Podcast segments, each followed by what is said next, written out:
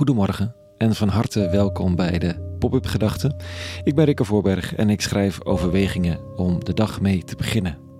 Vandaag met de titel Als het systeem vastloopt. Pop-up Gedachten maandag 23 januari 2023.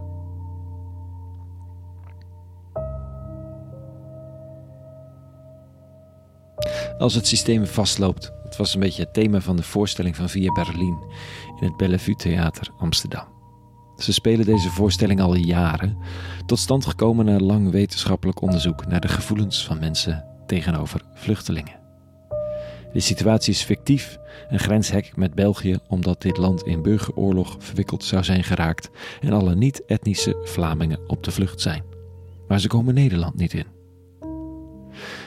Het deed me veel meer dan ik dacht.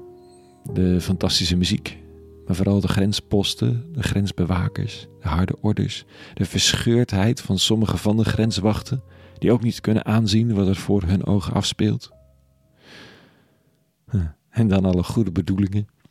Een bakker die broodjes over het hek gooit, een CEO met schuldgevoel en een BN'er die zijn goede naam en gezicht wil lenen om toch echt te zeggen dat dit niet kan. En een leus, we gaan ze halen van een dominee met camper. Jawel, die was er ook hilarische momenten, maar vooral veel emotie.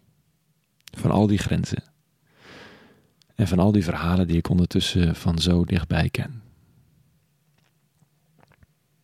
En dan de prangende vraag: wat is goed? En het verzet tegen wat zo duidelijk goed is eten uitdelen, water, dicties plaatsen en ja ook mensen toelaten hoe precies daarover te discussiëren, maar niet het hek dicht tot nader order, een nader order die nooit komt. Het zou allemaal obvious goed zijn, maar in de politieke nieuwsspeak wordt het automatisch kwaad. De lange termijn wordt erbij gehaald, het mogelijk gevaar van de horde van de andere kant, de culturele verschillen, de medeverantwoordelijkheid van andere landen. Alles wordt erbij gehaald om het o zo duidelijk goede van het moment te duiden als kwaad doen. En ze hebben een punt hoor, het kan. Er zijn er velen die met de beste bedoelingen echt wel shit hebben aangericht. Ik denk maar aan mensen die voedsel gingen distribueren door naar een plek met veel mensen in nood te rijden, de laadklep open te doen en dan maar spullen naar buiten te gooien. Het gedrang dat dan ontstaat is levensgevaarlijk en mensonterend. Wat niet betekent dat je het niet moet doen, dat het slecht is, maar dat een beetje orde helpt. Een beetje, een beetje orde, want als orde de norm wordt, de enige, dan verdwijnt het uitdelen tot nader orde uit beeld en wordt het wel degelijk onmenselijk. Vandaag in de lezing gaat het over dat wat je goed noemt. Jezus van Nazareth is de grote wonderdoener in de verhalen, geneest, bevrijdt, op een manier waar ik niet goed bij kan met mijn hoofd. Maar de verschillende getuigenverslagen zeggen steeds hetzelfde en wat je er dan ook van vindt. De mensen die de status quo beheren zeggen: deze man is door de duivel bezeten. Zijn genezingen zijn demonisch. Het goede kwaad noemen. Het is al zo oud als de wereld. En van Nazareth wordt nijdig en zegt: Voorwaar ik zeg u, de lezing van vanochtend. Alle zonden zullen aan de mens vergeven worden, ook alle godslasteringen die ze uitgesproken hebben. Maar als iemand lastert tegen de Heilige Geest, dan krijgt hij in eeuwigheid geen vergiffenis. Hij is bezwaard met een eeuwige blijvende zonde. Dit was omdat ze gezegd hadden: er huist een onreine geest in hem.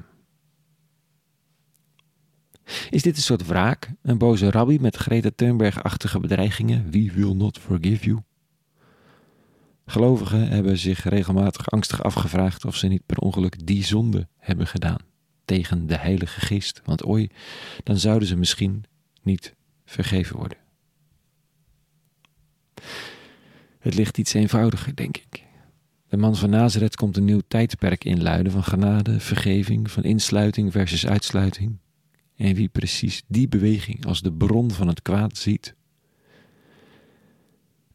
zal nooit meer een beroep doen op wat uit die bron voortkomt. En wel genade, vergeving. Of wie, wie zwakheid ziet als per definitie verlies, kan de kracht niet meer ervaren van zwak kunnen zijn en geholpen worden. Zo eenvoudig, zou ik zeggen. En belangrijk ook anno nu. Als het goede kwaad genoemd wordt vanwege een hoger belang, een hoger politiek belang, of dat nu gaat om brood uitdelen aan wie honger heeft, of luisteren naar de zorgen van hen die in de ogen van je eigen bubbel zich niet inzetten voor de goede zaak, dan zijn we ver van huis. Noem het goede goed in zichzelf. Zo zegt Jezus. Ook als je het aangeharkte, als het je aangeharkte wereld in de war gooit. Verheug je met de genezenen. En denk dan weer verder over hoe het past in je wereldbeeld.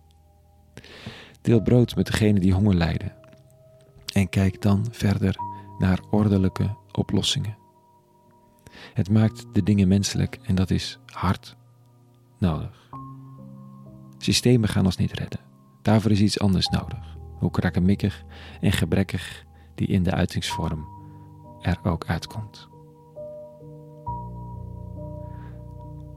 Tot zover vandaag. Een hele goede maandag gewenst. En vrede. En alle goeds.